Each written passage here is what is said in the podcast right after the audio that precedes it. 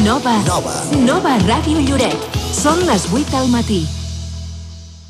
Molt bon dia a tothom. Avui farem una radiografia de l'educació a Lloret de Mar parlant amb un representant de les famílies.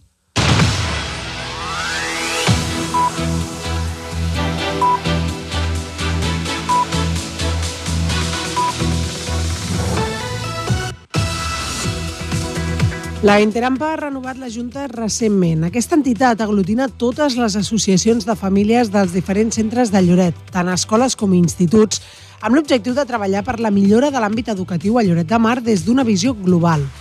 Avui volem fer una radiografia del municipi en aquest sentit.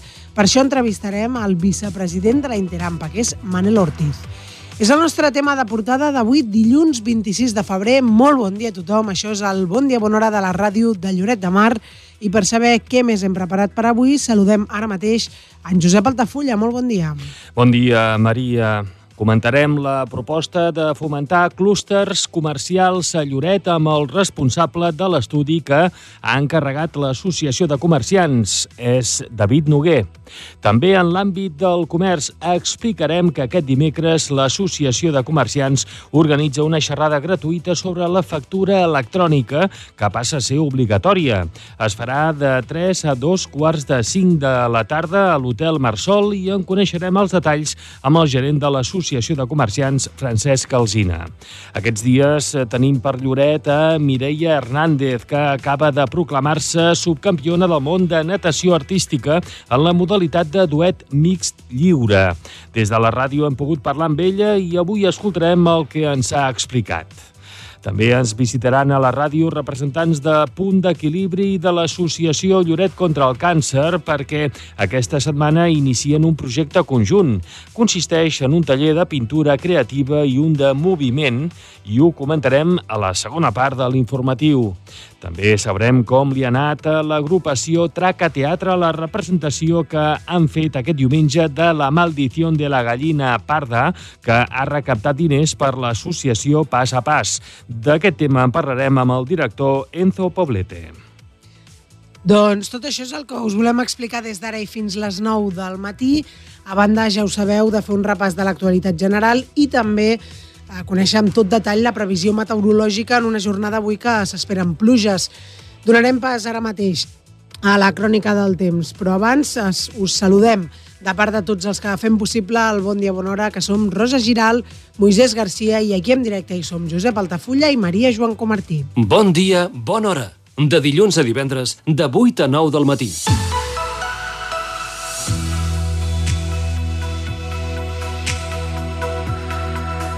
8 i 3, comencem nova setmana, l'última del mes de febrer, i sembla que podria ploure avui a Lloret. Xavi Segura, bon dia. Bon dia.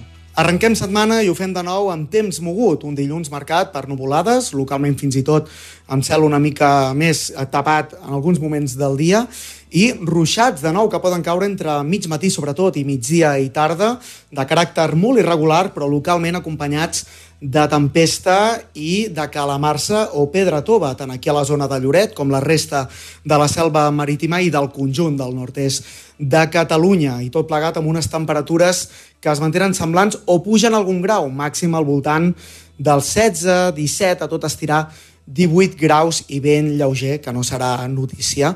A partir de dimarts, més calma. Seguirà aquest cel variable, amb sol i núvols, però en principi ja amb poc risc de precipitacions a l'espera del que pot passar a finals de setmana. No es descarta que una borrasca pugui complicar encara més el temps, amb risc d'algunes precipitacions a partir de divendres i al cap de setmana. Un extrem encara molt incert que haurem d'anar confirmant els propers dies i tot plegat amb unes temperatures que es mantindran semblants i normals per l'època.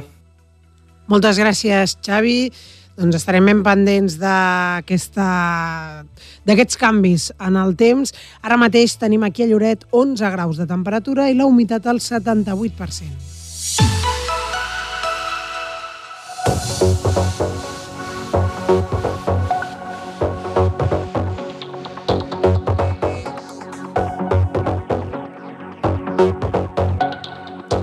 I de la previsió del temps passem al repàs de l'actualitat general. Són les 8 i 5 del matí, avui és dilluns 26 de febrer I en el cas del diari de Girona, el titular principal que hi llegim és que creix la xifra d'infermeres de Girona que se'n van a l'estranger. Les 22 que van marxar l'any passat són més del doble que el 2022 i Noruega és el destí preferit de moltes professionals. També notícia destacada la cursa de Caldes que es mobilitza contra el càncer infantil. Prop de 1.300 persones van participar ahir a la sisena marxa pels valents. A la imatge s'hi veuen alguns dels participants en la marxa a peu d'ahir a Caldes eh, en, en un dels moments inicials d'aquesta cursa. També es fa ressò el diari de Girona de la indignació dels conductors atrapats a la P7 per la pedra. Trànsit justifica el tall de l'autopista i de l'eix entre Girona i Barcelona, però Junts demana explicacions al conseller. Queixes també a les Gavarres per les curses de bicis al bosc. Girona avança amb retard en els nous projectes pels ponts del Carme. També en aquesta primera pàgina hi llegim que hi ha quatre empreses gironines que participaran al Mobile. La UDG serà present per tercer any consecutiu en el certamen 4IFN, inclòs en el programa del Mobile World Congress. Catalunya talarà arbres perquè arribi més aigua als pantans. I encara a la, a la portada del diari de Girona, en plana esportiva, hi llegim d'una banda que la Champions és el propòsit del Girona, que rep avui el Rayo, i en bàsquet, nou contratemps a l'Uni amb la lesió de Tolo en la derrota davant del Jairis. La, el Jairis va fer 69 punts, mentre que l'Espart Girona en va fer 65. Una notícia que també veiem amb un titular petitó a la portada del punt, on el més destacat és l'entrevista que fa avui a l'alcalde de Figueres, Jordi Masquef, que diu que la gent ja no vol que li asfaltis al carrer, sinó que vol projectes il·lusionants. Masquef ocupa amb una imatge ben grossa bona part d'aquesta portada, on també hi ha un espai petit per la sequera que s'adega als boscos gironins i pel comerç local de Lloret, que és un punt fort de Lloret de Mar fora de la temporada alta. Finalment, en plana internacional, Zelensky calcula en 31.000 els soldats ucraïnesos morts en els dos anys de guerra. Més titulars de la jornada són els de caire generalista. Els trobem a les primeres planes de les següents publicacions. L'ABC avui titula El que fa, el que la fa, la paga. És el titular de la notícia sobre la resistència d'Avalos a tornar l'escó de diputat obligat ahir per Sánchez. També amb fotografia il·lustrativa amb pesos a demanar l'eutanàsia. Un de cada cinc malalts són d'ELA. Això pel que fa al diari ABC. A la Razón, fotografia il·lustrativa per Emiliano García Paje, president de Castilla-La Manxa. Diu que cal deixar treballar els jutges i respectar-los igual que amb la Gürtel. El País, en primera plana, la guerra d'Ucraïna, any 3, el moviment de la supervivència. La Vanguardia, avui en portada eh, una fotografia del Mobile World Congress, tecnologia al món a Barcelona. I també llegim en grans titulars València Boca s'aboca a revisar les edificacions a l'estat espanyol. Finalment, eh, avui podem llegir també a El Periódico una informació que trobem, de fet, a la resta de premsa escrita. Sánchez diu que serà implacable contra la corrupció, caigui qui caigui. Doncs això destacant les portades i ens fem ressò d'algunes altres informacions que també són de l'actualitat d'avui dilluns, com per exemple que els afectats per l'incendi que va calcinar el bloc de València estan a punt de ser reallotjats. L'Ajuntament els ofereix temporalment un edifici nou on podran viure tant propietaris com llogaters, ara dividits en dos grups per discrepàncies creixents. En plana política, Pedro Sánchez ha anunciat la creació d'un gran model de llenguatge d'intel·ligència artificial entrenat també en català. Des del sopar d'inauguració del Mobile World Congress, el president espanyol ha detallat un projecte amb el Barcelona Supercomputing Center per fer aquest nou model. Enxamben un conductor begut per derrapar a tota velocitat a la platja de Palamós. L'home de nacionalitat francesa va fer virolles a la platja Gran i les imatges de seguida es van fer virals a les xarxes. Detingut en un bar de Salou, un dels fugitius més buscats per la policia francesa. És el cap d'un clan criminal de tràfic de drogues de Marsella que s'enfronta a una condemna de 10 anys de presó. Encara en plana de successos, dos detinguts a Barcelona per robar 300.000 euros a dones grans fent-se passar per personal de neteja. Els acusats seguien el mateix patró en tots els furs i seleccionaven les víctimes en supermercats, assegurant-se que eren dones amb mobilitat reduïda. Quatre morts i dos ferits en una llau a l'estació d'esquí francesa de Le Mont d'Or. Les víctimes formaven part d'un grup de nou persones que feien una excursió fora de les pistes. Intenten enverinar un mossèn antimàfia italià posant lleixiu en el vi de missa. El sacerdot havia rebut amenaces de mort i havia trobat el cadàver d'un gat al seu vehicle. En plana cultural comencem amb una notícia luctuosa i és que ha mort als 49 anys l'actor Kenneth Mitchell, conegut per Star Trek i Capitana Marvel. Fa sis anys a l'actor canadenc li havien diagnosticat esclerosi lateral amiotròfica, el que es coneix com a ELA. I també en plana cultural, Oppenheimer ha triomfat en els premis del Sindicat d'Actors i avança amb força cap als Oscars. Succession, The Beer i Beef han triomfat en l'apartat televisiu i Bàrbara Streisand ha rebut un homenatge per la seva trajectòria. I en plana esportiva destaquem que el Barça ha superat en patiment final el rècord d'imbatibilitat a l'hoquei Lliga. L'equip blaugrana ha empatat a 3 gols a la pista del Ribes i encadena així 53 partits sense perdre la competició nacional. De fet, el Barça no perd des del cinquè partit de les semifinals de la temporada 2021-2022 contra el Reus. Recordem que en aquest equip blaugrana hi tenim els lloretencs germans Grau. Fins aquí, el repàs de l'actualitat general, ara mateix 8 i 11.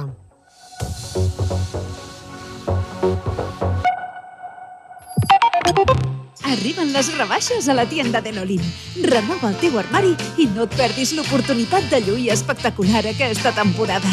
Descobreix una àmplia selecció de roba, complements i també talles grans. Ens trobaràs als baixos del centre comercial Caravela. Posa't guapa amb les rebaixes de la tienda de l'Olin.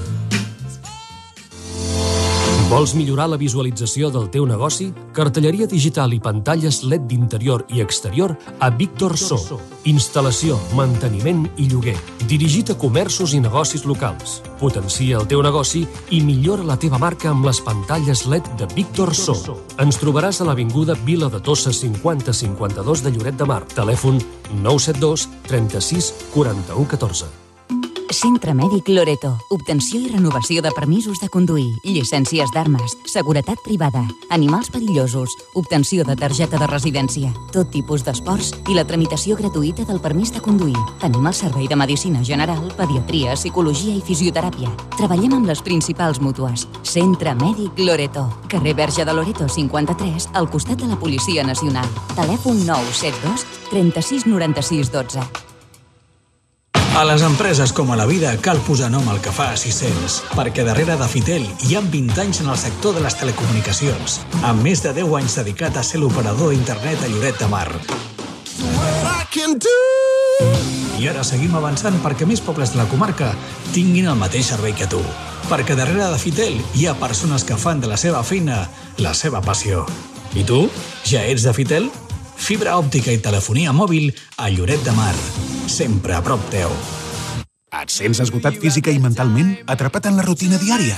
Vine a Muscle Beach, al teu nou gimnàs. Entrena amb cotxes titulats en espais increïbles i totalment equipats amb més de 700 metres quadrats just a l'entrada de Mar Romeu. Descobreix la nova zona d'entrenament funcional.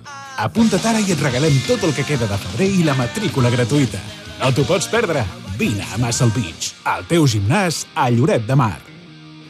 L'Ajuntament de Lloret de Mar informa. S'ha convocat un procés selectiu per cobrir dues places d'administratiu administrativa. Les instàncies per prendre part en la convocatòria es poden presentar fins al dilluns 11 de març, preferiblement de forma electrònica a la seu electrònica de l'Ajuntament, catàleg de tràmits, recursos humans, processos selectius de personal o de forma presencial a l'Oficina d'Informació i Atenció Ciutadana, o IAC, als baixos de l'Ajuntament, per cita prèvia al web lloret.cat barra cita prèvia. Les bases amb les condicions que regeixen la convocatòria es poden consultar a la seu electrònica de l'Ajuntament. L'Ajuntament de Lloret de Mar informa. Lloret de Mar es troba en situació d'emergència 1 per sequera. Hi ha restriccions d'aigua en els usos urbans que afecten en el volum màxim d'aigua per habitant i dia. Restriccions en la neteja de vehicles, de carrers i mobiliari urbà. En el rec esportiu, de zones verdes, jardins públics i jardins privats. Està prohibit l'ompliment de piscines públiques, privades, comunitàries i les fonts ornamentals, així com l'eliminació de pols en l'aire amb aigua. La situació actual de falta d'aigua és molt greu i s'han de prendre mesures per estalviar aigua potable de forma immediata. Teniu tota la informació detallada al web lloret.cat. Els dilluns de 9 a 10 del matí disposem de tota l'equipació. Estics, pilotes, raquetes, banyador, bambes, guants, bicicletes, targetes, també, de tots els colors. Grogues, vermelles, blaves... Els dilluns de 9 a 10 del matí parlem de tots els esports que es practiquen al municipi a Nova Ràdio Lloret. Escolta Lloret Esportiu amb Moisés Garcia. No t'ho pots perdre.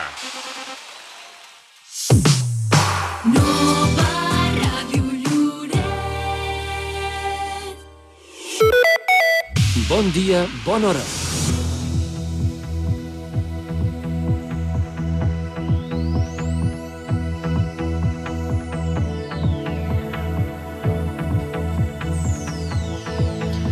Molt bon dia, de nou som aquí al Bon Dia Bona Hora, passarà un minut d'un quart de nou del matí i comencem a entrar en matèria. Parlem de l'Interampa, que és una associació que aglutina totes les associacions de famílies d'alumnes dels centres de Lloret, tant escoles com instituts. L'entitat treballa, per tant, pel benefici de l'educació al municipi en un àmbit global. Fa pocs mesos la Junta s'ha renovat i el nou president és Oriol Gruar, mentre que el vicepresident és Manel Ortiz. Saludem, doncs, el vicepresident de l'Interampa, Manel Ortiz. Bon dia. Hola, bon dia. Com descriuríeu la situació actual de l'educació aquí a Lloret de Mar? Eh, bé, doncs la situació de Lloret és complicada, complicada i, i al límit. Realment està saturat el sistema educatiu aquí a Lloret. Per què? Podries eh, matisar una mica què, què és el que faria falta perquè millorés o què és el que no funciona?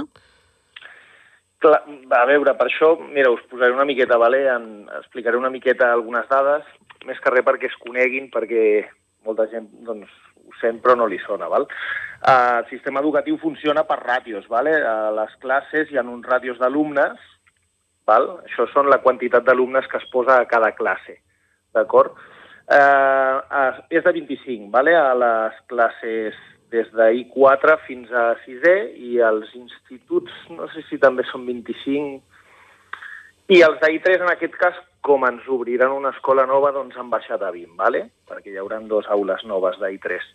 Eh, això què vol dir? Hi ha 25 alumnes per classe, eh, a, a totes o a quasi totes les aules del municipi es sobrepassa aquest número, ¿vale? Eh, hi ha un, una permissivitat per llei que es pot eh, superar en un 10%, es diu. Hi ha alguns casos que fins i tot podríem dir que ens passem d'aquest 10%, o sigui, hi hauríem 28 alumnes, casos molt puntuals. Però això què vol dir? Que les classes estan saturades.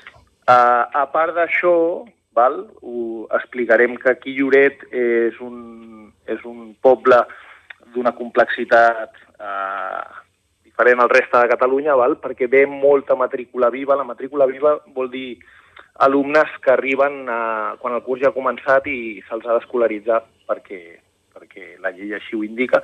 Ens arriben uns 200 i uns, entre 200 i 300 eh, nens cada any. Val? Uh, si no tens uh, espai a les aules perquè ja les tens saturades, vol dir que has de fer aules noves. Això són els bonys, que diríem. Val? Aules eh, adaptades per, per encabir doncs, nous, nous cursos. Uh, aquí a Lloret tenim uns 34 bonys, perquè ens entenguem. Això vol dir que si una escola normal té dos classes de cada, dos primers, dos segons, dos tercers, doncs quan arriba gent nova s'han d'adequar classes noves per, per poder escolaritzar-los. Passem a tenir doncs, tres classes o quatre de segon, tres classes de tercer. Això eh, el que fa és que perdem espai a les escoles eh, per coses més especialitzades com podrien ser doncs, aules de música, aules especials per nens amb, amb necessitats especials, a laboratoris... bueno, eh, és complicat, realment. Eh, estem al límit, no hi ha espai, no hi ha més ràtios, bueno, hem de treballar per veure què, què fem i com millorem la situació futura del, del poble en aquest aspecte. Clar, i a part, Manel, eh, parlaves de la matrícula viva, a banda del que és l'espai en si, entenc que, no sé si es tenen o no, eh, però que calen recursos especials per atendre tota aquesta matrícula i sobretot tenint en compte que són nens i nenes que, que solen venir de fora de Catalunya, fins i tot de fora de l'estat espanyol, per tant, que no, ten, no entenen la llengua, eh, una cultura diferent, etc amb tot el que això comporta no? Eh, en una classe. Sí, sí, realment a, a, és un tema molt complicat, és un tema molt delicat també. Eh, a, realment, amb la guerra d'Ucrània, per exemple, hi va haver una gran afluència d'ucranians que arribaven a les classes dels nostres fills, que el que dius, no parlaven l'idioma, eh, les escoles no disposaven d'aules per poder eh, ubicar-los i potser fer-los classes eh, perquè avancessin. Tot això el que fa val, és retrasar l'educació dels, dels nostres fills. Eh, no m'agradaria que això sembli que és un, un reproche vale, a, a que vingui gent nova, faltaria més. El que passa que sí que és algo que la Generalitat tindria que tenir en compte. Lloret és un poble amb unes necessitats especials i ens haurien de tenir més en compte a l'hora de eh, preparar eh, el que són els cursos escolars. I, bueno, això ja, el problema és que ve de molt lluny, val? Eh, directament aquí Lloret el que necessitem és eh, més equipament, perquè siguent així, sapiguem que és així cada any, eh, no tenim lloc on encabir la gent nova que vingui. És igual, eh, que parlin l'idioma o no el parlin. Si el parlen, tampoc tenim espai. Uh, els, el, aquest any, per exemple, els cursos de segon de Lloret de Mar és l'any on, on hi ha més línies de... Línies vol dir aules, vale? de segon. Aquests nens van pujant. Faran tercer, faran quart, faran cinquè i faran sisè. Quan acabin sisè, hauran d'anar a l'institut.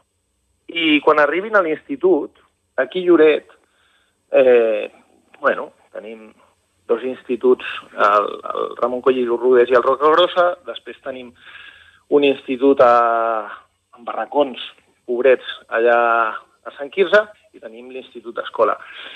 Mm, no sé on els fotrem, realment, directament, tots aquests nanos, quan vagin pujant.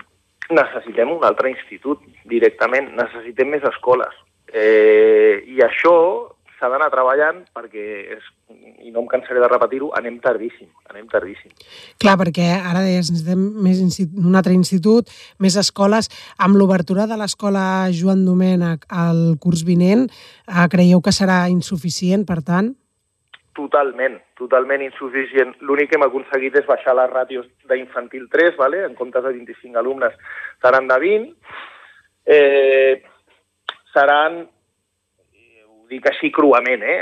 La, la nova escola seran tres barracons, val? dos barracons per nens d'infantil 3 i un barracón eh, que i aniran encabint alumnes que arribin a matrícula viva d'infantil 4 i infantil 5. Tots barrejats, com si fos una escola rural, val? Això què crearà? Un gueto. Un gueto que és algo que la Generalitat, en teoria, lluita per evitar. Mm, bueno, veurem com, com funcionarà l'escola. I vosaltres, Manel, veurem, eh? veurem com funciona de cara al curs vinent, en tot cas en farem les valoracions pertinents, però vosaltres, Manel, com a Interampa, eh, amb què esteu treballant, quins objectius us marqueu a curt i mig termini, què és el que podeu fer com a Interampa? Uh, home, això a curt termini, si et soc sincer, em sembla que no tenim pas gaire marge, nosaltres, a mig i llarg termini, la nostra idea és començar a donar a conèixer el problema eh, que tenim a Lloret. Et posaré una altra dada que m'agradaria donar-la perquè crec que és molt, molt significativa també. Aquí a Lloret, eh, l'oferta de cicles formatius, vale? Lloret és un poble amb uns 40.000 habitants sensats, parlem sensats, val? Cicles formatius aquí Lloret és de 11, val? L'oferta. A Blanes l'oferta de cicles formatius és de 19. Un altre poble que té una, uns habitants aproximadament com Lloret de Mar és Olot. Saps quants, centres, uh, quants cicles formatius té Olot? Quants? 42. Uau. 42, comparat Mm. amb Lloret 11. Nosaltres, nosaltres en tenim 11. Un nano aquí Lloret que vol, que vol fer un cicle formatiu de palateria, perquè m'entenguis, se n'ha d'anar a Mataró. Un nen aquí Lloret que vol fer un cicle formatiu de mecànica se n'ha d'anar a Girona. És vergonyós. Realment no els estan donant les mateixes oportunitats als nostres fills que, que, que als nens d'altres comarques o altres municipis. I això no pot ser, això s'ha d'acabar. Aleshores, nosaltres a mig termini la idea és donar a conèixer tot això a la, a la màxim, al màxim nombre de famílies que puguem i començarem a intentar mobilitzar-nos per millorar-ho, perquè, perquè ja està bé. Doncs eh, esperem que, que es vagin aconseguint aquests objectius i que ho anem comentant aquí a la ràdio. Manel, no sé si vols afegir alguna última cosa perquè anem una mica justos de temps, però si... Sí que m'agradaria dir, que perquè aquest discurs a vegades és... Eh, sobretot, sobretot, sobretot, això és un problema polític, no és un problema ni de direccions ni dels professors, que prou fan i m'agradaria aquí valorar la feina que estan fent amb el sistema que tenim i tal i com estan les coses, eh, el com han de treballar. I un, un aplaudiment per ells perquè realment, ei, la feina que fan és encomiable. Doncs ho recollim i ho enviem a tots els docents de Lloret de Mar i de Reu i Manel Ortiz. Moltíssimes gràcies per atendre'ns com a vicepresident de l'Interampa aquí al Bon Dia Bona Hora. Gràcies a vosaltres.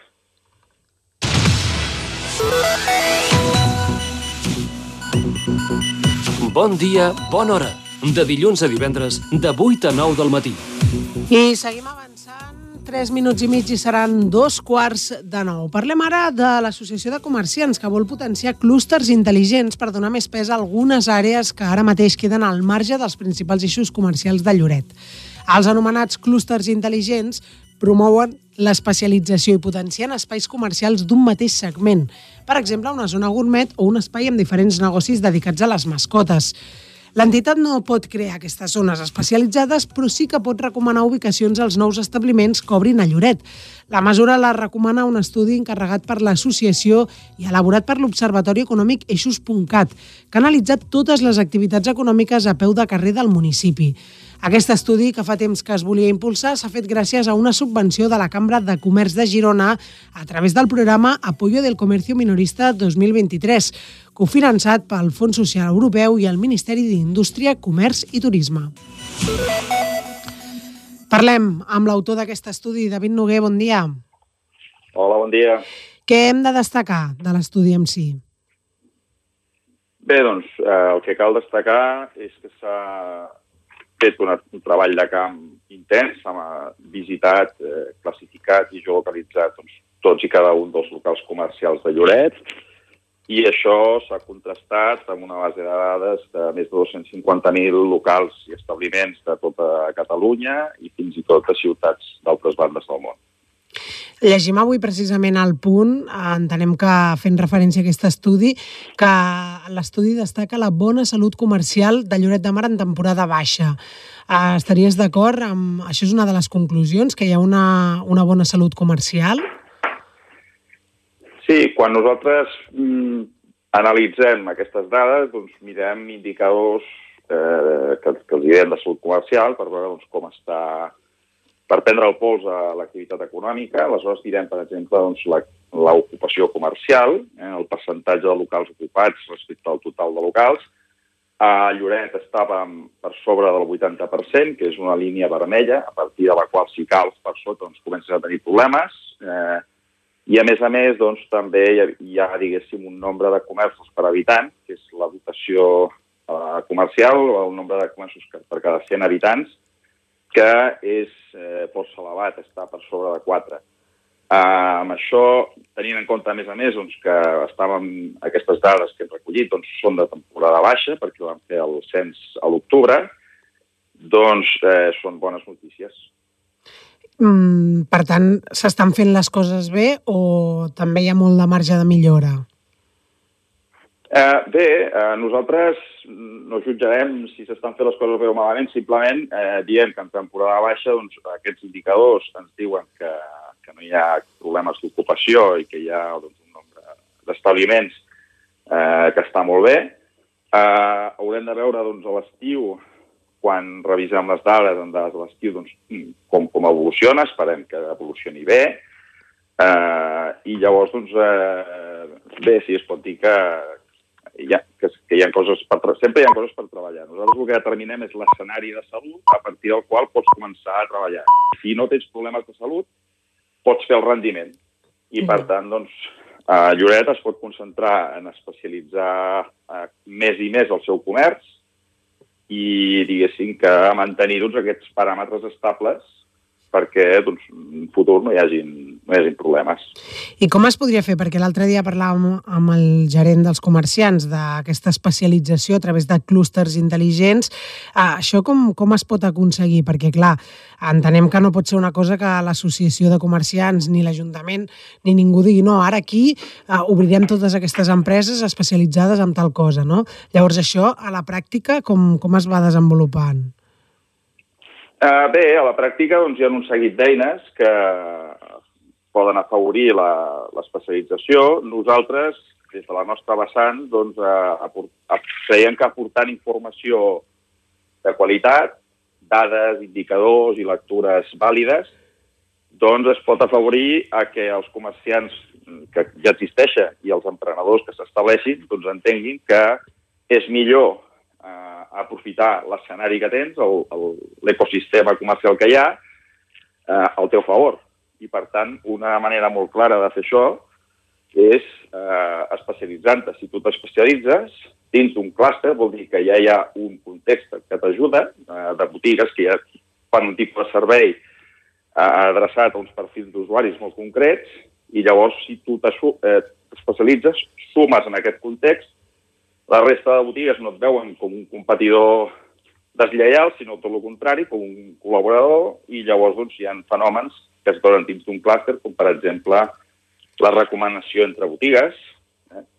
o la, les vendes creuades, o compartir directament els clients. Eh, un exemple d'això seria, doncs, si vas al mercat municipal i demanes carn de vedella al, a la parada de la carn de, de, de la carn de porc, doncs et recomanaran que vagis a la, a la parada de la vedella, tot i que eh, ells, ells podrien intentar-te vendre la vedella, però no ho faran. Això mm. és quan hi ha especialització i col·laboració. Això és el que s'està buscant, doncs, portar a totes les activitats mm, també de fora dels mercats. Doncs veurem, entenem que és una cosa més a mig, llarg termini. Eh, sí, és clar, evidentment, qualsevol feina que facis eh, amb el comerç doncs, has de plantejar horitzons a diferents terminis.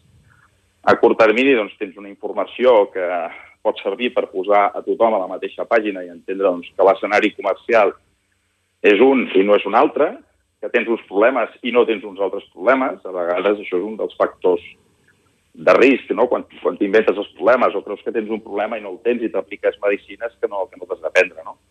En aquest cas, doncs, a, a curt termini el benefici serà doncs, tenir aquesta informació i a mig termini aquesta informació anirà donant fruits perquè eh, doncs, ningú, tothom, diguéssim que en el món del comerç tothom vol aprofitar al màxim eh, les oportunitats que, que hi ha de fer negoci. Ningú vol llançar-se pedres amunt de la taulada, aleshores doncs, eh, això ajudarà, sens dubte, a prendre millors decisions. Doncs uh, veurem com va tot plegat, però per ara agraïm aquesta anàlisi de l'estudi fet aquí en el comerç local amb David Noguer, que és l'autor d'aquest estudi. Moltíssimes gràcies, David, per atendre'ns i molt bon dia. A, a disposar. Molt bon dia. Bon dia, bona hora. Quatre minuts passen ara de dos quarts de nou del matí. Toca seguir en l'àmbit del comerç per fer-nos ressò ara d'una jornada gratuïta que l'Associació de Comerciants organitza aquest dimecres a la tarda. Es farà de 3 a 2 quarts de 5 a l'Hotel Marsol. La proposta pretén informar els assistents sobre l'obligació d'implantar la factura electrònica.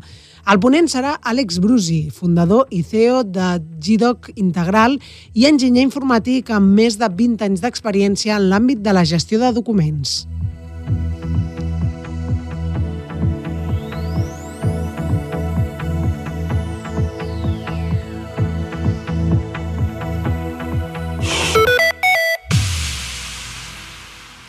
Saludem al gerent de l'Associació de Comerciants, Francesc Alzina. Bon dia. Hola, molt bon dia. Per què heu decidit organitzar aquesta xerrada? Bé, el cas és que, com que són temes tan importants, són temes que afecten sobretot a tots els autònoms, i és un tema bastant innovador en aquest sentit, i a més a més que és un tema que comporta una, un, un control bastant exhaustiu de, del que són les, les vendes, van creu convenient, i a més va ser una proposta que des de la Cambra de Comerç van fer per una sèrie de, de, de propostes, en, en aquest cas per, per, per ensenyar, per formar. Aleshores, una d'aquestes en concret era l'obligatorietat de, de la firma electrònica. Doncs, en aquest sentit vam dir, doncs, doncs s'escau perfectament el que realment estàvem, estàvem buscant i, a més a més, doncs és un tema bastant, bastant candent en aquest moment. Perquè, diguéssim, que, que hi ha demanda o hi ha inquietud per part dels petits empresaris per saber com funcionarà això exactament? Home, a banda de que hi ha, hi ha inquietud, clar, és un tema que, que afecta bastant els comptes, afecta bastant la presentació dels comptes i afectarà bastant, aleshores, clar, eh, eh, l'agència tributària fa un plantejament molt exhaustiu, exhaustiu perdó, del com seran a partir del 2015 aquestes, aquestes, aquest tipus de presentacions. Per tant, eh, afecta totalment la comptabilitat i afecta totalment de com s'haurà de presentar i com s'haurà d'exposar aquesta comptabilitat. Però jo no només a, a, a nivell, a nivell de, de gestió, sinó directament a la venda del client final. I això, clar, això eh, afecta totalment a qualsevol tipus d'empresa, de, de, de, de, qualsevol tipus d'autònom. En aquest sentit, la xerrada entenem que està oberta a tots els autònoms que vulguin venir? Sí, sí, sí, hem fet obert perquè, bueno, perquè entenem que a banda del que poden ser associats o agremiats, tant de l'associació com de bars i restaurants, també pot afectar altre tipus d'empresaris de, i, per tant, doncs, donem obert perquè, a més, la, en aquest cas, el, la, la xerrada és gratuïta, és una xerrada que fa directament des de la Cambra de Comerç i per tant és gratuïta i d'acord amb aquesta gratuïtat vam pensar doncs, bueno, doncs, eh, donem opció que qualsevol tipus d'empresari de, pugui venir i pugui escoltar. Entenem que és una que afecta a qualsevol, tots els empresaris de Lloret i per tant és important que, que ho sàpiguen. I què han de fer les persones que vulguin venir? Bé, han d'entrar en el nostre, el nostre web i sobretot s'han d'inscriure. És obligatori la, la inscripció prèvia perquè és més no per també per guardar més espai del que puguem tenir ara eh, reservat i en el cas pues, també pues, per, per tenir una, una audiència eh, assumible perquè en el cas de que hi hagi molta gent o no, pues, bueno, de fet hi ha bastanta gent apuntada i per tant pues, bueno, pues, l'únic que demanem és que hi hagi aquesta obligatorietat i que facin aquesta inscripció. Doncs ho recollim i Francesc Alzina com a gerent de l'Associació de Comerciants. Moltes gràcies per atendre'ns i molt bon dia. Moltes gràcies a vosaltres, molt bon dia. Visita guiada a l'ermita de Santa Cristina i el seu paratge natural. L'ermita s'obre al públic per mostrar el valor del patrimoni i l'estat del seu manteniment. Aparcament gratuït. Visita guiada aquest dissabte a dos quarts de dotze del matí. Cal reserva prèvia al web tiquets.lloretdemar.org. Visita guiada a càrrec de l'obreria de Santa Cristina. Perquè Santa Cristina és nostra. Ara mateix són les 8 i 38.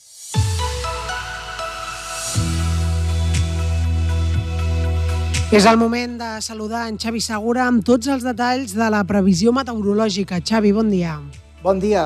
Arrenquem setmana i ho fem de nou amb temps mogut, un dilluns marcat per nuvolades, localment fins i tot amb cel una mica més tapat en alguns moments del dia, i ruixats de nou que poden caure entre mig matí sobretot i migdia i tarda, de caràcter molt irregular però localment acompanyats de tempesta i de calamarsa o pedra tova, tant aquí a la zona de Lloret com la resta de la selva marítima i del conjunt del nord-est de Catalunya. I tot plegat amb unes temperatures que es mantenen semblants o pugen algun grau, màxim al voltant del 16, 17, a tot estirar 18 graus i vent lleuger, que no serà notícia.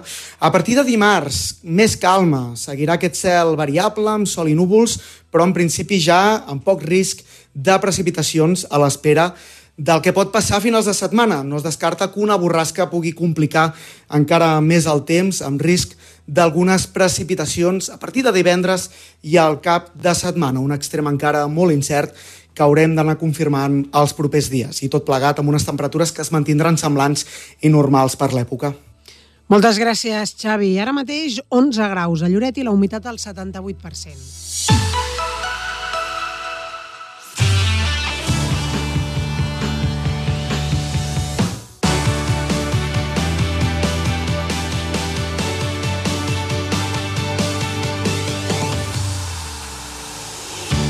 Tres quarts menys cinc de nou, moment pels esports. Al Bon Dia Bona Hora fem un repàs del que ha estat el cap de setmana i comencem amb el Club de Futbol Lloret, que s'ha retrobat amb la victòria a la jornada 19 de la Lliga Elite.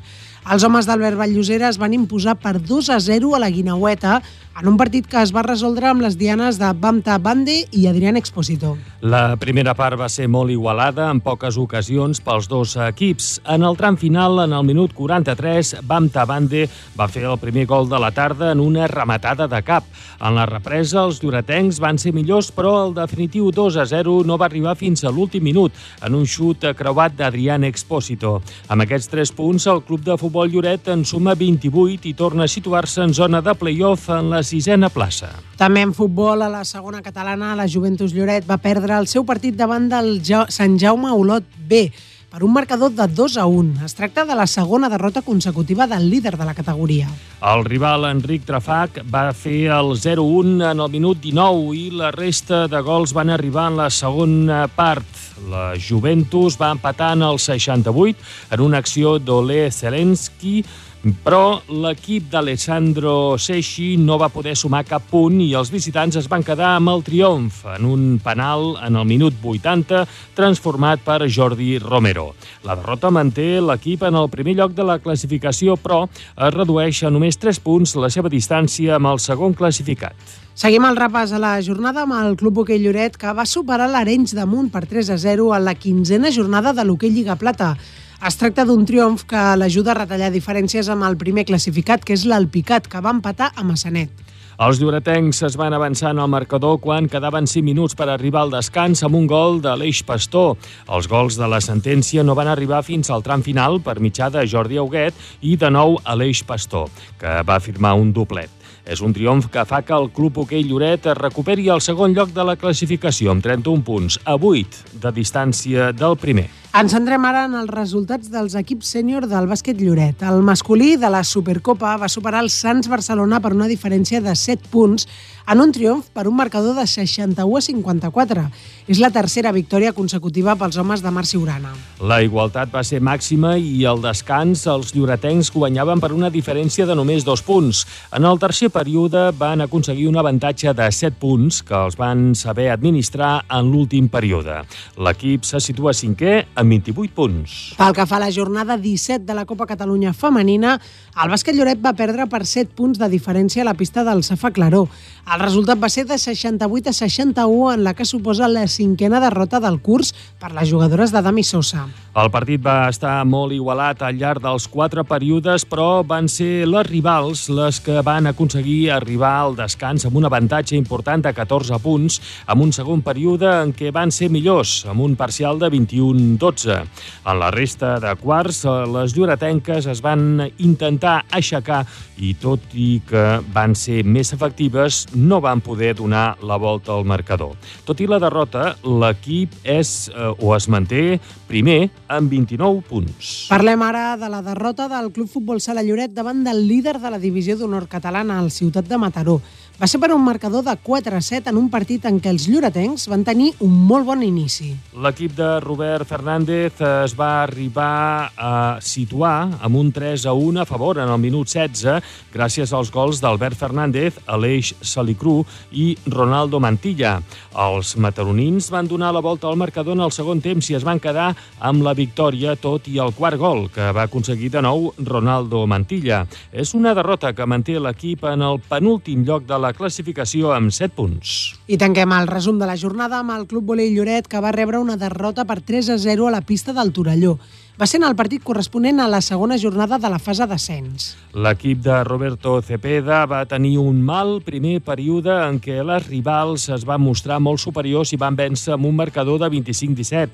La resta de jocs van ser més igualats, però van caure del costat del Torelló, amb parcials de 25-21 i 25-20 que van provocar el definitiu 3-0. És la segona derrota de l'equip en la fase d'ascens. Les lloretenques acaben la jornada quartes amb 6 punts. I seguim en plana esportiva per parlar ara de Mireia Hernández, que és subcampiona del món de natació artística en la modalitat de duet mix lliure. La lloretenca va aconseguir la medalla de plata fa uns dies al Mundial de Doha al costat del seu company de duet, Denis González. La coreografia que van executar va comptar amb la banda sonora de la pel·lícula Step Up, Un paso adelante, i temes de Roel Batzen i Estel Mara.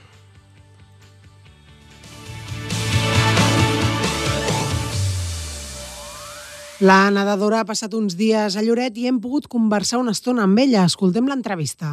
Parlem amb Mireia Hernández, molt bon dia. Bon dia. A la piscina de Lloret, eh, en un espai, evidentment, molt, molt vinculat amb tu, tot i que no sigui especialment la de Lloret la teva piscina més, uh, més sovintejada. Uh, Mireia, primer de tot, moltes felicitats. Gràcies, gràcies. Què representa una piscina per tu? Crec que ha sigut part de la meva vida, és part de la meva vida i no, no, no em veig formant part d'un altre lloc o de passar-me les hores que em passo dins una piscina. I llavors, bueno, és sentir-me com a casa, que això ja és molt. I Mireia, com et sents després d'haver rebut la medalla de, de plata en un Mundial, en el Mundial de Doha? Com ho vas viure i com et sents ara, no? que han passat uns dies? La veritat que necessitava uns dies per, per pair bé tot el que va passar. Ha sigut un campionat llarg, dues setmanes pràcticament. Han passat moltes coses, al final també som quarts del món i segons del món que s'ha de considerar d'allò que vam saber treure d'aquesta espinita que diem de, de la medalla que ens va quedar el tècnic i de poder remuntar-ho. Llavors estic feliç, estic orgullosa sobretot de, de l'equip que hem format i de com hem aconseguit lluitar tots per un mateix objectiu perquè clar, dius això de l'espina, no?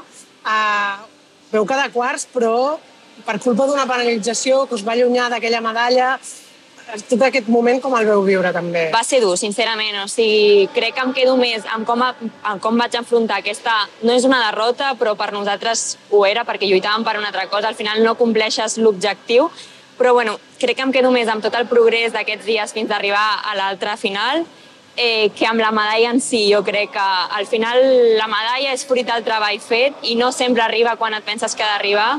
Llavors, bueno, molt orgullosa sobretot d'aquest canvi, d'haver-ho afrontat perquè no, no em veia capaç en aquell moment, però la veritat que vaig tenir molta gent al meu costat que confiava i això em va fer, em va fer créixer i aconseguir l'altre objectiu. Perquè entenc que després de la penalització, de caiguda i potser no teníeu ni ganes de, de seguir en el Mundial? En el moment més que no tenir ganes, era com frustració i decepció a un mateix i cap als altres. Al final representes un país, representes més que, que les persones que, que es tiren a l'aigua, sinó tot l'equip que hi ha darrere.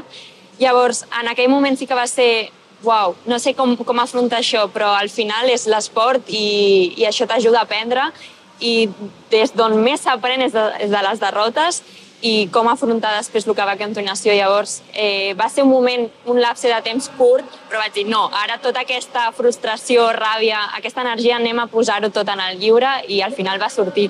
Llavors, molt contents d'això. L'objectiu era medalla de plata? L'objectiu era fer la nostra millor versió i no rebre penalitzacions. Al final eh, s'està bueno, afecta molt rebre una penalització ara en aquest nou sistema. Llavors, l'objectiu era fer la nostra millor versió i tot l'altre vindria com a conseqüència. Al final tu no busques, òbviament busques el màxim nivell, que és medalla d'or, i podíem estar per, per, per aquesta medalla, però bueno, jo crec que el més important era donar la nostra millor versió i no rebre cap penalització. Creus que pot arribar en un futur aquesta medalla d'or? Sí, realment ho crec. O sigui, confio molt en el treball que s'està fent, amb les persones amb qui treballo al costat i realment entrenem cada dia per ser els millors, que tot arriba en el seu moment, però bueno, ser subcampions del món també és tot un premi, llavors molt contenta i amb ganes i motivació per seguir amb més. Clar, perquè ara dius, no, ser subcampiona del món. Ara que han passat uns dies que ja ho has paït, que estàs més en fred, quan ho penses? Realment és... no m'ho acabo de creure que, que tot això de cada dia, l'esforç de moltes hores, de dir no puc més, però sí, he de seguir, no, no puc llançar la tovallola, i de cop veus la recompensa i dius, ostres, de veritat està passant? O sigui, realment crec que encara no soc conscient perquè per mi és com la meva feina, és com el meu deure, per així dir-ho, però al final també estic complint somnis.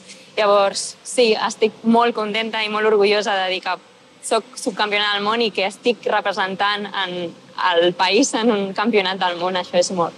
Doncs per la part que ens toca a Lloret, molt orgullosos que sigui una lloretenca que estigui assolint aquestes fites I Mireia, la feina, la, la compenetració que teniu amb en Denis és espectacular, no?, pel poc temps que fa que esteu junts. Sí, realment no fa ni un any que competim junts. Des de l'última Copa del Món, que va ser al, juny, a Oviedo, vam començar a fer duo lliure mixta, eh, i la veritat que molt bé, és una persona superfàcil amb qui treballar, ens entenem perfectament, muntem les rutines, tenim idees superràpides, fem això, va, sí, no sé què, eh, és superfàcil treballar amb ell i la veritat que molt contenta d'haver tingut l'oportunitat de que junts estiguem eh, fent créixer aquest duo mixta, aquesta participació dels homes a la sincro i llavors em sento molt contenta de formar part d'aquesta projecció i aquest nou projecte. Clar, relacionat amb això, una espina que tindreu ara, que tot i que no depengui de vosaltres, i que esperem que us podeu treure algun dia, no poder participar a les Olimpiades precisament perquè sou un duet, un duet mixta. Exacte, sí. Bueno, al final les modalitats eh, que presenta cada, cada Olimpiada eh, és com que posa quines, quines disciplines vols que es donin. En aquest cas, nosaltres com a modalitat de duo mixta no estem dins del programa, però no vol dir que no tinguem altres objectius, que al final competir en un campionat del món i tot el que ens queda de temporada, i de cara a un futur poder formar encara més això i que sigui encara més brutal i per què no lluitar per una medalla en els Jocs Olímpics. Ara mateix som medalla en un campionat del món, vol dir que és possible. Llavors, contents. Doncs tant de bo que sí, estarem seguint de, de ben a prop per veure tots els, els èxits que vagis aconseguint. Ara tens 21 anys, encara tens molt, molt de recorregut per davant. Tu fins a quina edat calcules que pots estar dedicant-te a natació sincronitzada? Realment sempre penso, va, un any més. Bueno, no, ja estic molt cansada durant la temporada, però quan acabo i analitzo fredament el que he aconseguit o el que, el que realment m'omple, jo sempre dic que fins que em valgui la pena tot l'esforç que faig, seguiré endavant. Si no tinc una data límit, al final també tinc els meus mals, m'he lesionat, estic físicament, el meu cos ho nota, no tinc 21, 21 anys en aquest sentit, però sí que mentalment crec que és una part que, que s'amaga molt de l'esport i crec que és la que més perjudicada surt, més que físicament. Llavors, mentre el cap estigui on ha d'estar i segueixi sentint l'esport com el sento ara mateix, seguiré endavant. No em poso una data, però sí que m'agradaria seguir fins a un altre cicle olímpic. Doncs fins que hi siguis, molta sort Gràcies. i que seguim parlant molt, per molts més èxits. Gràcies. Gràcies. Gràcies. Bon dia, bona hora. De dilluns a divendres, de 8 a 9 del matí. 8 minuts per les 9, seguim amb una altra qüestió i és que a Punt d'Equilibri Lloret contra el Càncer sumen esforços per crear dues activitats destinades a les persones malaltes de càncer, als seus familiars i també els voluntaris de l'entitat. Són activitats que comencen aquesta setmana. El dijous es farà el taller de pintura creativa, mentre que els divendres la proposta es titula Mouta per la teva salut. En els dos casos es faran un total de 8 sessions i la inscripció és gratuïta.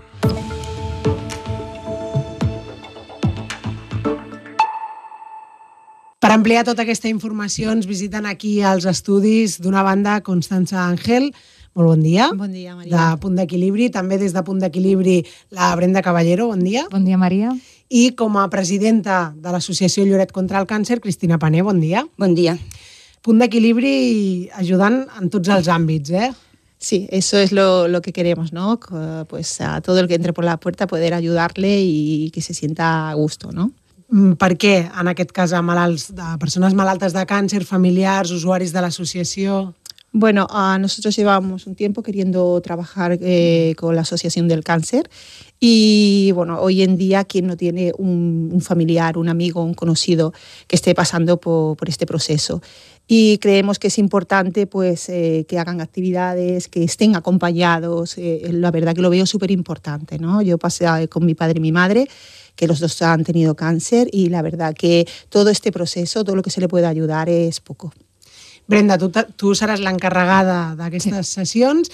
Tindrem els dijous pintura creativa i mm -hmm. els divendres Mouta per la teva salut. Parla'ns una mica d'aquestes propostes. Sí, eh, el taller de pintura creativa, bueno, eh, el seu objectiu és desenvolupar la creativitat, que de, també les persones que arriben pues, puguin aprendre una mica de tècniques de dibuix, eh, experimentar amb el color, amb les formes.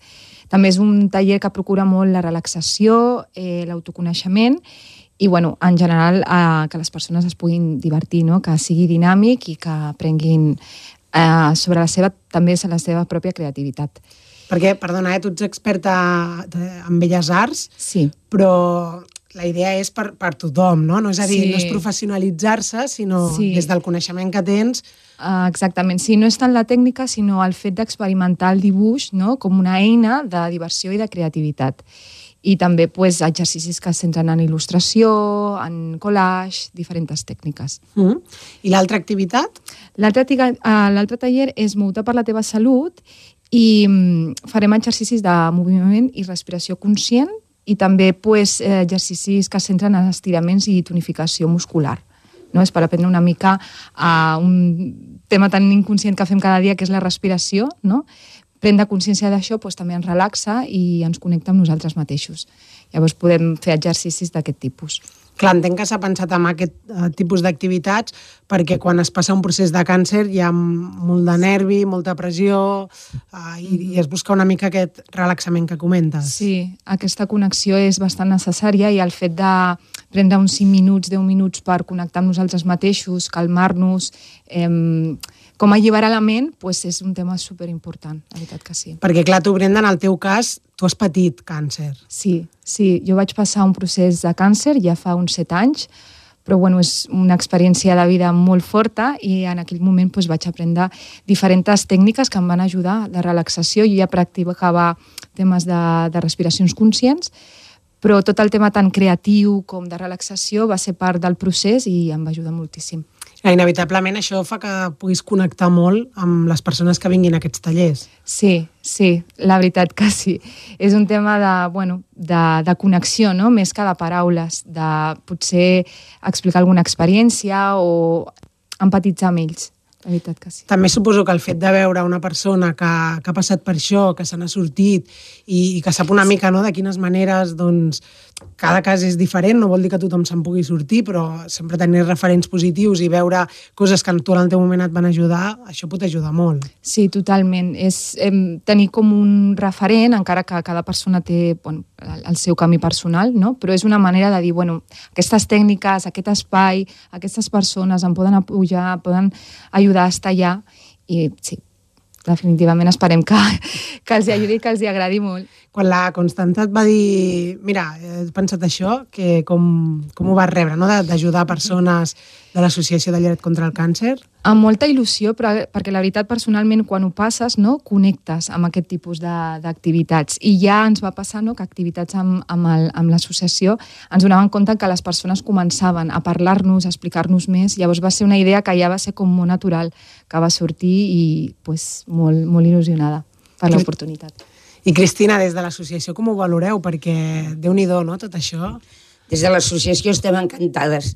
Ja fa molt de temps que conec a la Constance i fa una miqueta menys, però que també conec a la Brenda i per tant sé la feina que fan.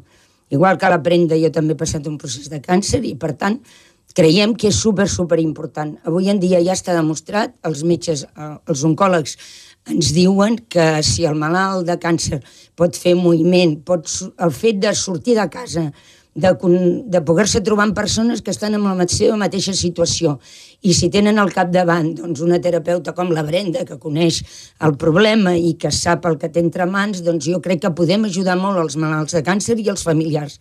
Per tant, és per això que posem en marxa aquests dos tallers i els obrim als malalts, als familiars i també les nostres voluntàries, perquè també aquestes persones que estan al costat dels malalts, que els hi donen companyia, també necessiten unes eines per poder connectar amb elles i per tant també és important doncs, que puguin tenir un espai, un ratet, on te desconnectar la ment, on te aprendre totes aquestes tècniques que la Brenda ens ensenyarà i que per tant ens ajuden a poder ajudar, continuar ajudant als malalts i a les famílies. I ara a nivell més pràctic, si algú vol venir, no? algú que està passant per, per la malaltia o així, com, com ha de fer? Ah, S'ha d'inscriure? És venir els dies que ho feu? Sí, uh, el, bueno, el fulletó, el, el que hem compartit per les xarxes socials, està al mail, que poden contactar per allà, o trucar al telèfon que especifica uh, de l'Associació Espanyola contra el Càncer, i es poden inscriure, només donant la seva pasarse informació. por punto de equilibrio, Sí, o sea, tal. cualquier cosa, como Mm. si quieren presentarse allí, hombre, tenemos que tener más o menos las personas que van a venir por el aforo, ¿no? Porque queremos, pues, que creo que unas 12, 14 personas, pero si no, pu- si no saben porque son mayores, eh, un email, lo que sea, pasándose por punto de equilibrio pueden venir perfectamente, no hay problema. Doncs queda claríssim totes les facilitats. Uh, la idea és que les, siguin les mateixes persones que venen tot el curs o poden venir sessions puntuals? La idea és que es mantingui les persones Va, que, fer- que es, un pugui, grup, eh? ah, exactament, Mm. es puguin apuntar, puguin tenir un seguiment d'aquestes sessions. No? Mhm. I a partir d'allà pues, treballar amb aquestes persones. I seria tot el curs fins a final de, fins a l'estiu o...? Són eh, vuit sessions. Vuit, vuit sessions cada setmana, eh? Ah, exactament, Mhm. sí. Els dijous i els Perfecte. divendres. Sí. Volies afegir una cosa, Sí, Cristina? bueno, en principi són concessions, però que si aquest curs vol, sí. ens dona molt d'èxit, com estic segura que tindrem, perquè tant la Brenda com la Constance són unes cracs, doncs el, després en faríem un altre. Mhm. I el que també podria afegir és que és un curs completament gratuït. O sigui, la Constance ha posat tots els mitjans i totes les facilitats i, per tant, crec que és important recalcar que és un curs gratuït perquè el que volem és ajudar els malalts, a les famílies i als voluntaris. Doncs moltíssimes gràcies a les Gràcies a tu, tres. Gràcies. per passar per aquí. Esperem que vagi molt bé, que segur que sí, i que a punt d'equilibri segueixi amb aquesta força, amb aquesta empenta, sempre ajudant i també Lloret contra el càncer, Sí. que, que sempre està al peu del canó. Moltes gràcies a les A tres. Maria, gràcies. Moltes gràcies a tots i totes. I gràcies, Maria, perquè per nosaltres poder arribar a la gent també és molt important. Sí. Per Per tant, moltíssimes gràcies a Ràdio Lloret. Per això estem. Gràcies, bon dia. Passa un minut de les 9, us deixem amb el Lloret Esportiu. Moltes gràcies.